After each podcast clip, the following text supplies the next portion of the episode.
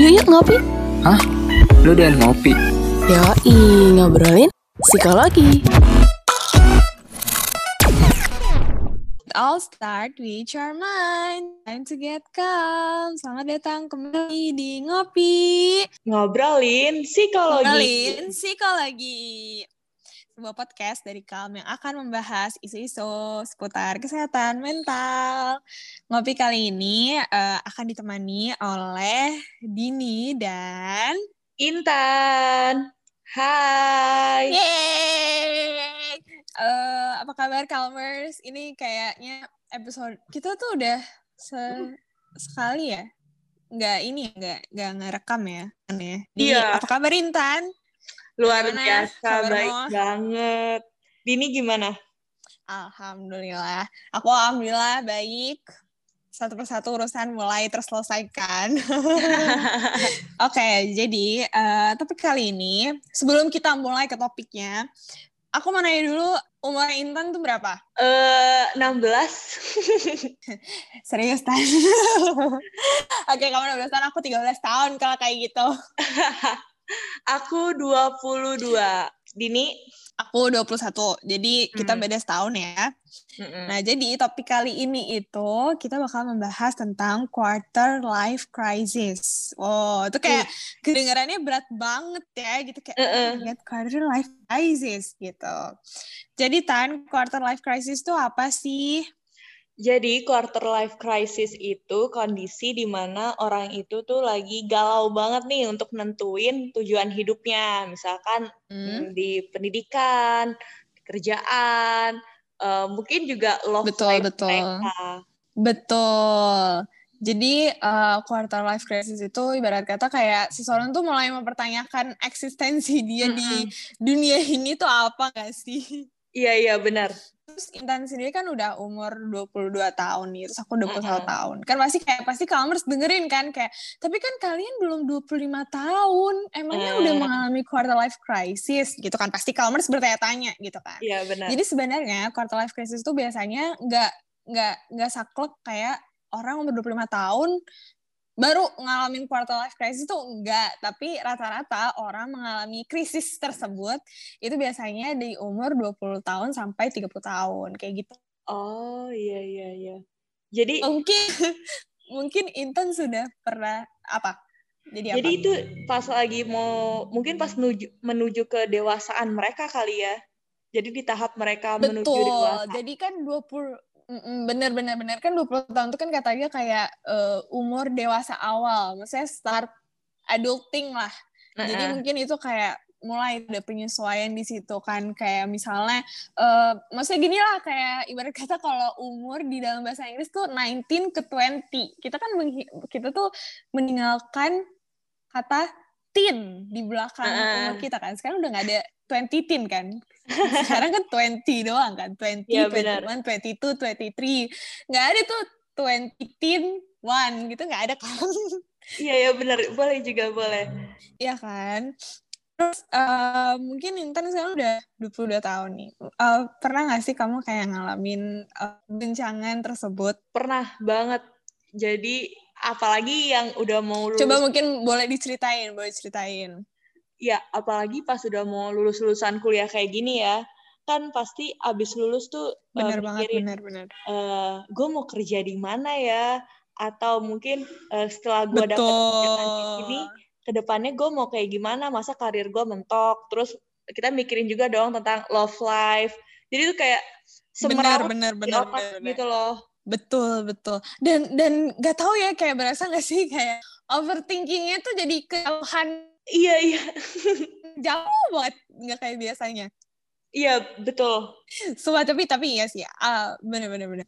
Aku ya aku juga 11 12 sih sama Intan. Tapi mungkin bisa diceritakan lebih lebih detailnya, maksudnya bentuk krisisnya tuh seperti apa? Kayak misalnya eh, kamu bisa sam eh, apakah kamu benar-benar bisa sampai mental breakdown banget atau kayak ah gue masih bisa nih ngatasin ini kayak gitu. Coba mungkin bisa diceritain. Mungkin biar biar kamers tuh yang lagi ngalamin itu kayak nggak merasa sendirian gitu. Kayak oh gue gue ternyata nggak cuman gue gitu. Oke, jadi kayak gini. eh udah lulus kuliah pasti kan tuntutan Oke. tuntut tuntutan dari orang tua itu tuh banyak Hmm. banget kan. Apalagi orang tua itu sering nanyain Mm-mm, eh, mm. mau kerja di mana, mau jadi apa. Itu kan pasti kan jadi kita tuh jadi betul, iya ya. betul, betul. oh iya ya ke depannya tuh gue mau kayak gimana ya, gue mau jadi apa. Kita juga jadi mikir sendiri kan. Nah, di situ tuh kayak ngalamin ketika udah Bener-bener. eh, mikirin tentang karir, terus mikirin juga tentang, oh iya, ke depannya gue bakalan hidup sama orang nih, gue akan ngejalin love life gue, gue mau seperti Mm-mm, apa ya ke depannya, gue akan cari pasangan yang kayak gimana nantinya, dan kan kita juga mikirin untuk finansial kita ke depannya, kita nggak mungkin yang bergantung sama orang tua terus-terusan Betul, kan, betul. itu sih lagi yang ngalamin Bener-bener. kayak bener. gitu banget Kayak, di tahap ini. oke. Bener-bener. bener. Kalau aku ini 11-12 sih sama Intan, tapi mungkin lebih kayak ditambahin ke ini kali ya. eh kayak maksudnya tuh aku pada saat itu, pada saat mengalami si krisis ini gitu, Mm-mm. kayak dialami saat umur 20 tahun. Jadi itu belum quarter nggak sih? Ah, iya iya benar, belum masih yang adult mungkin ya. Belum kan? Jadi maksudnya iya yang adult. Maksudnya itu kayak pertama kali merasakan adulthood. Ke adulthood. Apa sih tuh ngomongnya gimana sih pronunciation-nya yang benar adulthood gitu. Adulthood. Ya, gak tau lah saya ya pokoknya itu ya, ya. pokoknya Kak. gitu lah. Jadi gini, kalau misalnya kamu kamu tahu mungkin kayak banyak kan ya orang-orang tuh yang udah bilang kalau lo udah jadi dewasa, lo tuh udah harus bisa eh, memendam segalanya. lo gak boleh cengeng karena kalau misalnya lo cengeng gimana caranya lo menghadapi dunia kayak gitu kan Hmm. pasti tuh banyak pasti Calmers ataupun Intan pun pasti sering banget dengar kata-kata itu gitu Heeh. atau kayak lo tuh udah gede ya gak usah lah terlalu terlalu cerita-cerita banyak ke orang-orang kayak gitu misalnya Mm-mm. atau eh, mungkin ada beberapa kali Calmers ataupun Intan juga ngerasa kayak gue tuh mau cerita temen gue tapi tuh kayak kalian tuh malah mikir gitu loh kayak eh sebenarnya cerita gue tuh pantas gak sih untuk diceritain Iya, atau kayak Benar ini banget. kayak- remeh banget gak sih kalau untuk gue ceritain terus kan terus kalau misalnya gue nangis depan dia nanti gue dibilang gak sih kayak sumpah lo cengeng banget sih lo tuh gede jadi malah dijudge gitu loh jadi kayak Heeh. itu tuh malah kayak harus gak sih gue cerita kayak gitu? Iya, kalau aku tuh lebih ke situ. Jadi tuh lebih kayak ke for the sake of kayak dibilang ah masalah lo tuh biasa aja lebih berat masalah Intan gue. lagi. bener bener jadi tuh kayak for the sake of judging gitu loh. Mm-mm. terus terus uh, terus misalnya kayak kalau aku mungkin mirip sama Intan gitu tapi aku lebih kayak ke transisi dari si remaja tersebut ke dewasa awal tersebut gitu. For the sake of dewasa gitu kan. Dan pada akhirnya itu tuh malah bikin aku ruwet sendiri gitu loh. Jadi maksudnya Hmm. maksudnya gini loh aku uh, kalau misalnya bisa dibilang aku tuh emang tipe orang yang cengeng banget. Maksudnya sama sama. cengeng banget. Kayak kayak waktu itu bahkan hal kecil bisa bikin aku nangis gitu kan. Tapi tuh karena dibilang lo tuh dewasa lo tuh nggak boleh cengeng. Kalau misalnya lo cengeng lo tuh nggak bisa ngadepin dunia. Iya betul tapi kan kapasitas orang untuk menangisi sesuatu beda-beda kan Tan? jadi tuh jadi tuh jadi tuh akhirnya gini kalau misalnya ada temen yang lagi sedih tuh pasti aku bilang kayak udah udah nggak apa-apa nggak apa ayo nangis keluarkan keluarkan. Ayo nangis gitu. Terus kita kayak ngepopokin dia apa segala macam. Tapi giliran ke diri sendiri kitanya sedih malah kayak ngapain sih lo nangis? gitu doang. Cengeng banget sih. Akhirnya denial denial akhirnya keguncang juga tuh diri Hmm, gitu. akhirnya ya udah. Kalau kalau kalau iya gitu. Jadi krisis aku tuh berasanya kayak karena banyak banget ekspektasi dari diri sendiri dari orang lain gitu ya. Tapi menurut aku ekspektasi ter, ter ini dari diri sendiri nggak sih tan? Iya, kayak bener. Karena kan serem tuh dari diri sendiri.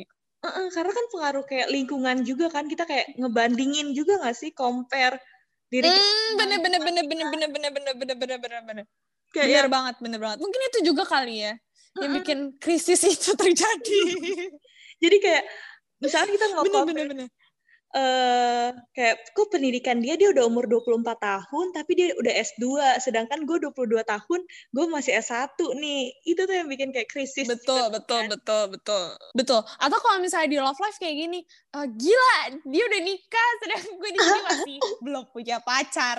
Atau kayak gue pacar gue belum nggak belum belum ada nih tanda-tanda sinyal-sinyal akan menikahi gue kayak gitu. Jadi tuh malah kita tuh jadinya terlalu mengcompare kali ya. Mm-mm, Dan dan ini juga kali ya Tan, eh, society kita tuh ada apa ya kayak mengkotak-kotakan umur segini tuh lo harusnya udah bisa kayak gini, umur segini tuh lo Oh. harusnya udah kayak gini gitu kali ya.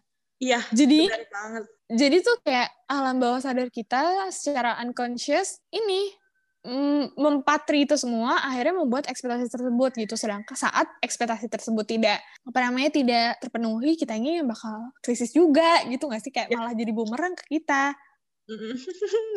Bener bener bener. Benar, benar banget. nah itu itu itu itu adalah salah dua cerita tentang quarter life crisis kita ya Calmers mungkin Calmers juga lagi mengalami ini Hmm. benar atau mungkin kayak soalnya waktu aku mengalami itu aku mikir kayak itu kayak bukan quarter life crisis deh soalnya kayak aku masih 20 tahun gitu kan tapi ternyata tidak itu adalah quarter life crisis oke anyway kita kan tadi udah cerita nih tan eh, Hmm. apa sih kayak cerita-cerita tentang quarter life crisis kita gitu ya. Terus kalau misalnya eh, bukan gejala sih, tapi kayak tanda-tanda kita tuh mengalami quarter life crisis tuh ada apa aja sih? Ini ada ada enam, jadi dibagi aja ya tiga-tiga. Jadi mungkin bisa Intan dulu bisa menjelaskan gejalanya ada apa aja. Apa sih tanda-tanda bukan gejala? Kalau gejala tuh kayak kesannya negatif gitu ya. Tanda-tanda. Ya, pertama ketika kita mengalami atau kita ada di fase quarter Hmm. life crisis itu mulai mempertanyakan hidup kayak tadi tuh eh ke depannya gue mau kayak gimana ya terus pencapaian apa ya yang udah gue raih selama ini Betul. pokoknya berbagai macam pertanyaan tentang kehidupan tentang realita kehidupan tuh sering kita tanyain di kepala sendiri itu tuh kita lagi ngalamin quarter life crisis Betul. nah yang yang kedua membuat kepala kita tuh jadi mendadak berisik padahal biasanya nggak berisik Iya jadi kayak banyak banget nih orang ngomong di kepala suara suara-suara gaib ya. Betul betul betul terus yang kedua Yang kedua itu kurang motivasi. Jadi ketika kita lagi ngelakuin kerjaan atau kita lagi ngelakuin hobi, kita tuh nggak ada motivasi kenapa kita ngelakuin ini. Jadi kayak hilang Hmm. gitu motivasinya. betul betul betul betul ini iya banget iya juga ini benar juga Bener, jadi kayak males ya. Jadi kayak rutinitas mau Males. kerjain sesuatu. betul betul dan dan malah jadinya tuh jenuh gitu loh kayak Heeh. Oh my god gue ngelakuin ini lagi terus yang kayak gue kapan berhentinya gitu kayak ah gitu. Betul ternyata tidak sendirian. Semua orang mengalami ini. Oke lanjut. Yang ketiga. Lanjut, yang ketiga itu kita tuh bingung mau keluar dari zona nyaman atau tetap di tempat di zona kita nih. Karena benar benar benar. kayak kalau misalnya kita keluar dari zona nyaman, kita tuh takut eh, beradaptasi lagi dengan zona kita yang baru. Tapi kalau kita diem di tempat, Hmm. kita stuck aja gitu. Kita nggak dapat apa-apa, kita dapat itu-itu doang gitu. Tanda. Betul. Dan ini juga kali ya kalau misalnya gue keluar dari zona nyaman, kira-kira gue happy nggak ya menjalani itu? Atau kira-kira gue bakal gagal nggak ya? Atau gue bakal malah justru kebalikannya gue bakal sukses di zona baru tersebut. Jadi tuh kayak malah jadi nanya lagi. Iya, iya, iya. Kembali lagi mempertanyakan. Oke, selanjutnya ini adalah tertekan dengan lingkungan sekitar. Kembali lagi ke tadi, kayaknya society tuh udah mengkotak-kotakan umur segini tuh lo harus kayak gini, umur segini lo harus kayak gini, umur segini lo harus kayak gini. Jadi tuh eh, apa ya? Kalau tertekan dengan lingkungan sekitar tuh bisa juga kayak ekspektasi dari orang-orang sekitar kita kali ya. Mungkin kayak orang tua atau teman atau mungkin om tante keluarga gitu yang kalau datang arisan keluarga atau acara keluarga tuh kayak kesannya "Please jangan nanya gitu Iya, udah kayak kayak please aduh. jangan nanya jangan nanya apa. kayak gitu. Benar jadinya kita tertekan dan akhirnya ya itu tadi mengalami krisis itu kalau misalnya kita pendem pendem pendem pendem pendem lama-lama. Terus yang selanjutnya ini ada merasa minder saat melihat aktivitas teman di medsos. Ini benar banget. Bener banget. ini bener banget. Ini bener banget. Kalau ngelihat orang kalau nyadar nggak sih tan kayak kalau ngeliat orang di lagi happy gitu ya. Misalnya kayak ini orang kok keluar-keluar terus tapi kok nilainya bagus ya? Itu kita langsung mikir kayak kok ada orang kayak gini sedangkan gue kayak gini gitu kan. Iya itu benar benar benar banget bahaya banget ya sosial media. Betul. Tapi ini tapi benar merasa minder saat melihat aktivitas teman di medsos. Kayak ini deh se se, se ini aja influencer deh. Itu tuh kalau ngeliat dia kan kayak hidupnya perfect mendekati perfect lah mendekati sempurna apa namanya apalagi kalau travel blogger gitu ya kalau kita lihat tuh kayaknya hidupnya kayak jalan-jalan traveling mulu. Iya, sedangkan kayak sedangkan gue di sini harus Kita belajar kuliah buat lulus. Bener, bener. Maksudnya kayak ibarat kata gue mau beli sesuatu gue harus nabung gitu. Ibarat kayak gitu. Jadi kita tuh uh, minder dan akhirnya mengcompare diri kita sendiri ke orang lain. Jatuhnya tuh bukan mengcompare yang baik ya, Tan. Tapi tuh yeah. mengcompare malah kayak kok kesannya gue malah jadi nyalain diri gue sendiri gitu. Kayaknya emang harus kurangin sosial media ya demi kebaikan hati Betul. dan pikiran Kalmers. Betul banget. Jadi mungkin Kalmers bisa kayak sosial media fasting gitu ya. Puasa sosial media. Hapus Instagram, hapus Twitter, ya pokoknya media sosial deh yang isinya happy-happy gitu. Orang memfake semuanya di situlah ibaratnya gitu. Maksudnya gak banyak gak sih orang yang memberikan realita di media sosial. Pasti mereka kan mau ngasih tau yang baik-baiknya aja. Jadi mereka mau ngasih tau yang seneng-senengnya aja. Bener bener gitu. Jadi ya mungkin commerce bisa mulai mengurangi sosial media. Oke lanjut. Yang terakhir ini menyadari bahwa segala hal nggak selalu berjalan sempurna. Bener banget. Karena kadang ekspektasi itu tidak sesuai dengan realita kita. Jadi di sini maksudnya uh, kalau misalnya waktu kita masih kecil kayak ini aduh aku nggak tahu ya kamu tahu iklan ini atau enggak. Tapi kamu tahu iklan Tri nggak? Yang mana? Yang isinya anak-anak kecil. Nanti kalau udah gede aku mau jadi esmod karena bisa ngobrolin ini ini tentang masalah perusahaan sambil main golf sama partner partner bisnis atau kayak eh pokoknya isinya anak-anak kecil ngomongin uh -uh. tentang orang dewasa terus uh, ditutup dengan tagline kayak gini jadi dewa uh, jadi dewasa itu menyenang jadi orang dewasa itu menyenangkan tapi susah dijalaninya. Kau pasti tahu kau pasti tahu.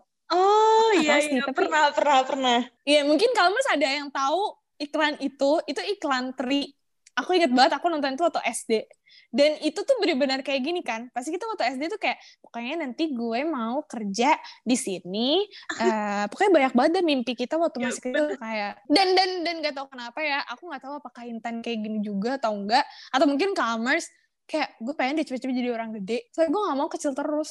Iya iya benar kayak waktu SMA waktu sekolah tuh pengen banget kuliah nih kayaknya seru ya kuliah pakai baju bebas Oh Padahal, hmm. true. Bener-bener, iya enak sih kuliah. Cuman maksudnya kayak pressure-nya tuh jauh lebih besar lagi dari dari apa namanya dari orang dewasa gitu dan dan bahkan mungkin waktu kita masih kecil pun kita tuh suka bilang gini uh, suka role play jadi mama-mamahan lah jadi guru gitu soalnya tuh itu pekerjaan yang sangat menyenangkan yang yang beda lah sama waktu masih kecil gitu loh tapi ternyata sekarang lihat kita jadi dewasa tuh kayak berat ya ternyata dan malah pengen balik lagi jadi kecil gak sih? Ya, kerjanya tuh bobo siang doang. Bener, bener, bener, bener.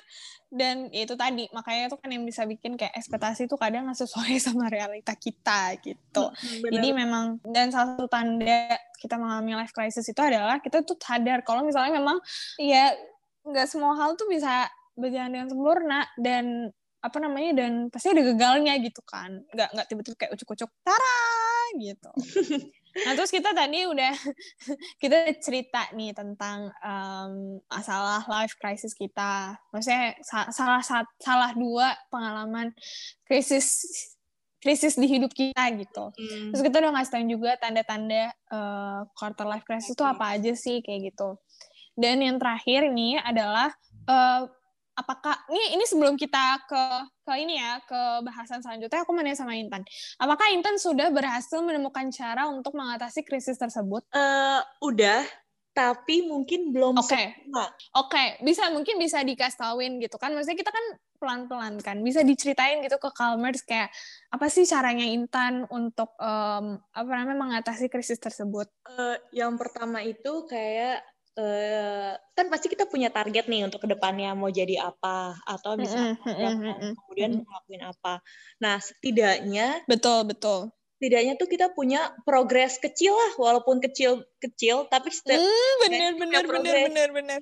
jadi eh, Bener, bener banget. kita mikir oh nggak apa deh yang penting gue punya progres nih untuk ke depannya kayak contoh misalkan dalam misalkan eh, kita mau nabung nih dalam sebulan kita harus dapat misalkan 500 ribu setidaknya dalam sehari kita nyisihin 2 ribu 5 ribu gitu tapi setiap hari nah tetap ada progres Betul, betul.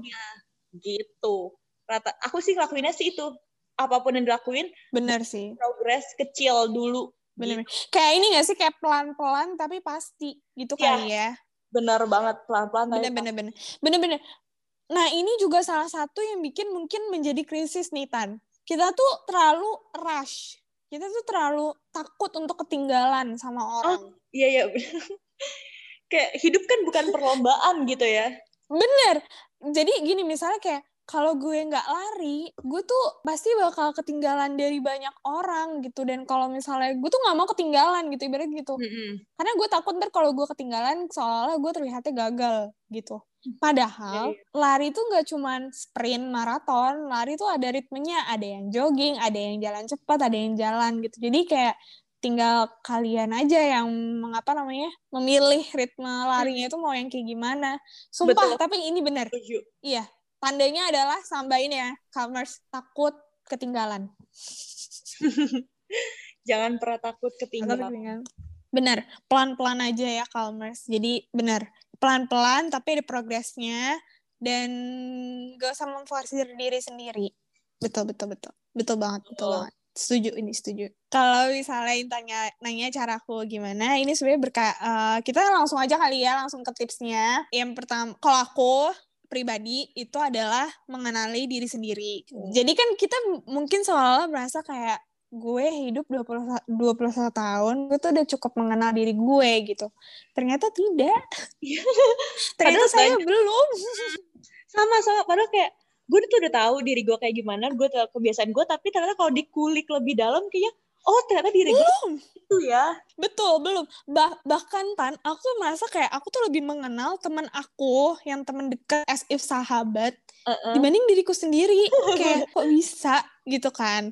Nah, terus gimana nih caranya biar kita tuh kenalan ulang sama diri kita nih? Hmm. Jadi yang pertama ini em, nanya kelebihan kita tuh apa, kekurangan kita tuh apa. Terus gue tuh suka kalau misalnya gue tuh lagi ngapain, gue tuh suka kalau lagi karena apa.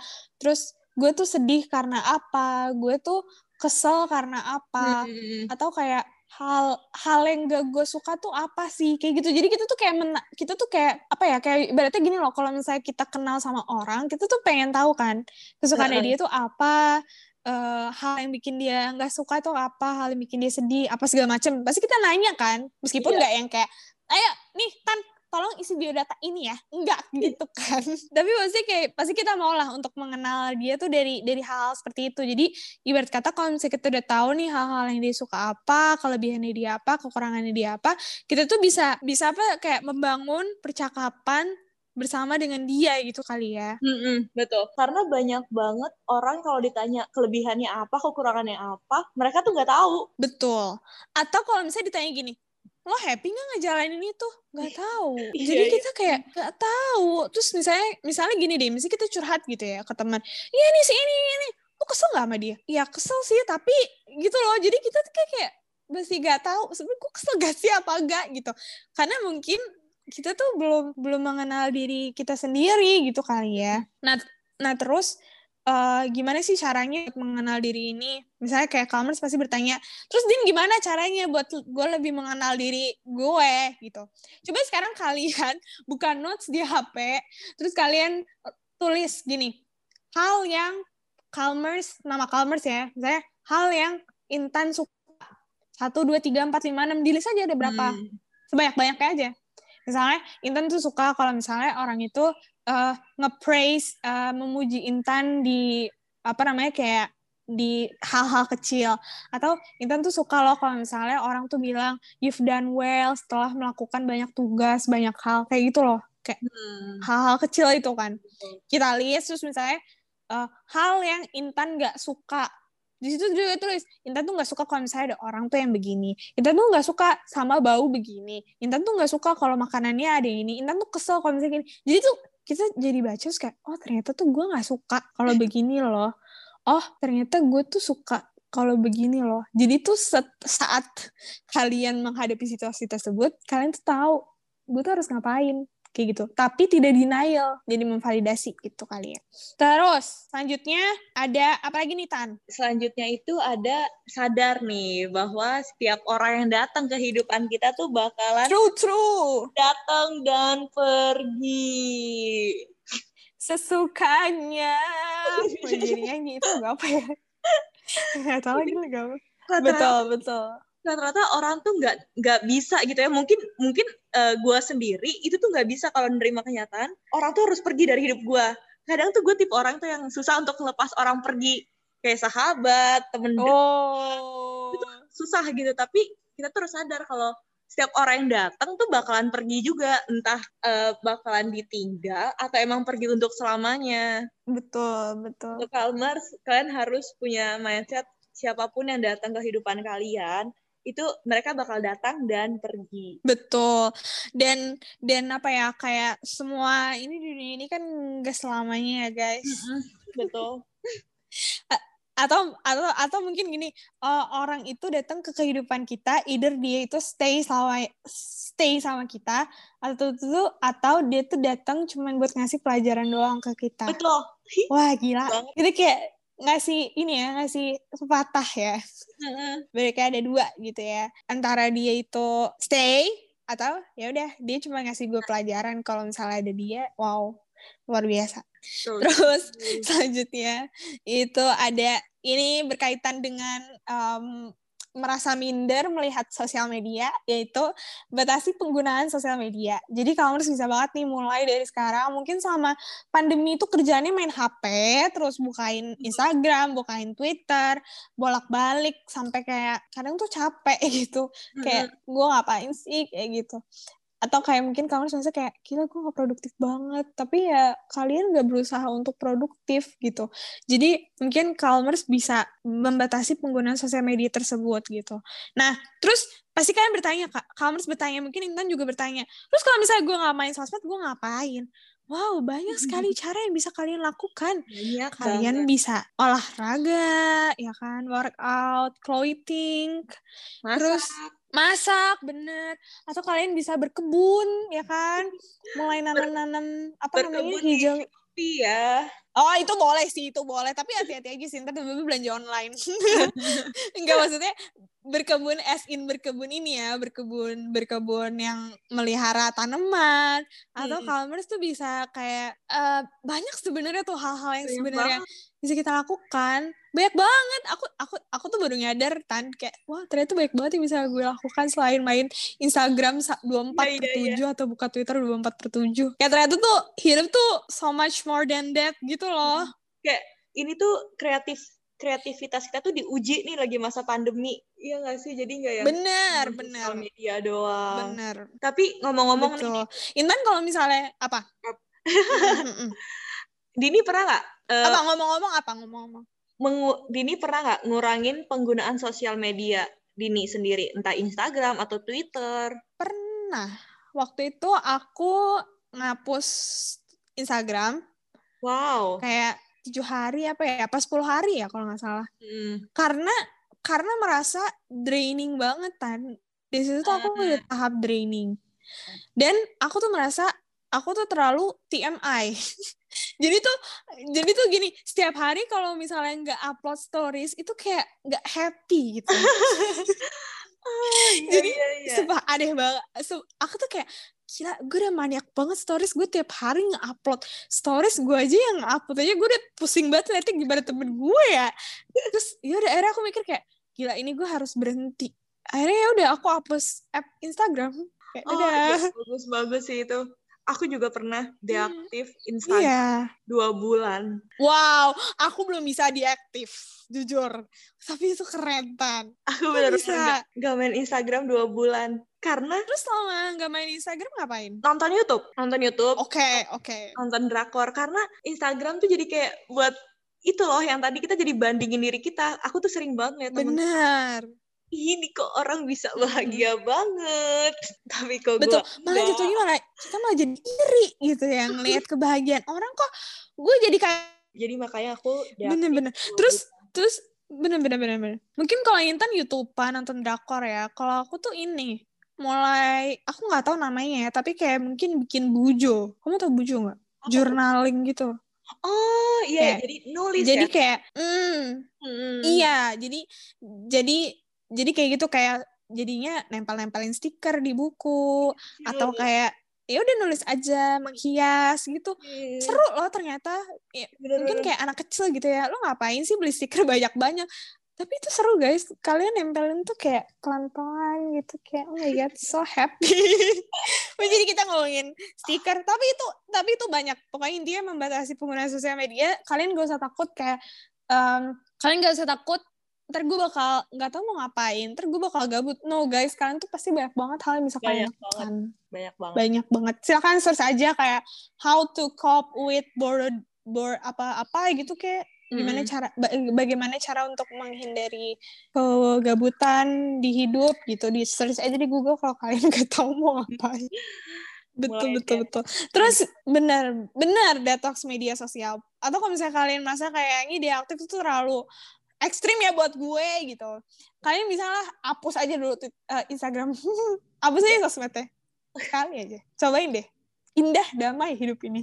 Betul. terus eh, cara paling terakhir itu ada apa nih Tan? Cara yang paling kalau misalkan nih ngerasa kok eh, quarter life Mm-mm. gue tuh udah ganggu hidup gue banget ya. Kok gue jadi mulai insecure parah gue jadi overthinking parah karena eh, betul. gue itu tuh kalian tuh bisa curhat ke ahlinya atau konsultasi.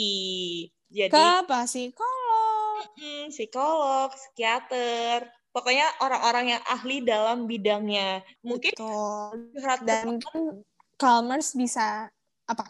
Mungkin curhat ke teman bener curhat, eh, curhat ke teman boleh sih tapi boleh tapi eh, boleh sih. Tapi mungkin kalau misalnya Calmers merasa kayak takut dijudge mm-mm, lebih Ya, baik iya ke ahlinya. Betul betul betul. Dan mungkin Calmers bisa nih eh, tapi gue nggak tahu nih caranya gimana ya buat eh, curhat ke konselor atau psikolog yang langsung cocok gitu kan. Pasti kan kita kan ada trial error nggak sih Tan? Kalau misalnya mau Iya, bener. cerita atau Cocok-cocokan datang ke tempat kan.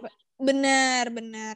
Nah kalau bisa nih coba konseling secara online dulu di aplikasi Calm jadi di aplikasi Calm tuh bakal kayak gimana sih tata caranya Tan Nah, di aplikasi Calm itu, Cal- Calmers bisa download dulu aplikasi di App Store atau Play Store, search aja K-A-L-M yang logonya warna putih, terus registrasi, dan Betul. Calmers bisa milih deh untuk mau konsultasinya sama siapa. Gitu. betul sekali dan dan dan Calmers juga nggak perlu takut kayak eh, ini tuh psikolognya udah pasti pasti ada surat-surat izin praktik apa segala macamnya nggak sih oh tentang ten, tentang tedah oh tentu saja mereka udah pasti punya izinnya jadi Calmers gak perlu gak perlu takut karena semua konselor psikolog psikiater yang ada di kami itu semuanya sudah terdaftar dan sudah memiliki Betul. izin jadi udah pasti semua ceritanya Calmers tuh pasti dijaga kerahasiaannya Betul banget, benar, karena ada kode etiknya. Betul sekali. Nah, yang terakhir sebelum kita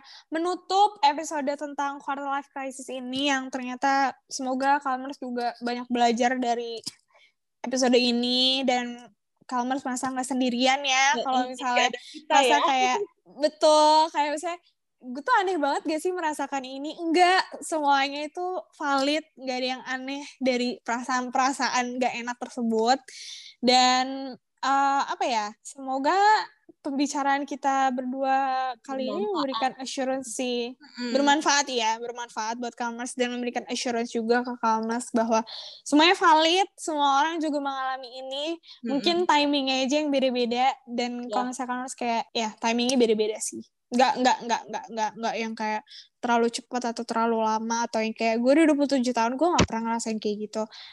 Mungkin ada saatnya. mungkin ya benar tapi semoga enggak ya kalau misalnya kalian sampai umur segitu belum pernah ngerasain ya alhamdulillah Oke, jadi uh, untuk kamu semua jangan lupa juga untuk ngikutin kita di sosial media kita di Instagram yaitu di @get.calm di sana uh, Calm suka membagikan konten-konten mengenai kesehatan mental dan juga suka ada uh, Instagram Live setiap hari Rabu tentang kata konselor dengan topik yang berbeda-beda. Hmm. Selain itu juga uh, Calm juga bisa follow juga nih anak Twitter bisa follow juga di Twitter di @get underscore calm dan juga uh, jangan lupa dengerin terus podcast ya Kau di Spotify, Anchor ataupun Apple Podcast. Dan jangan lupa untuk review juga di Apple Podcast ya guys. Kasih bintang 5.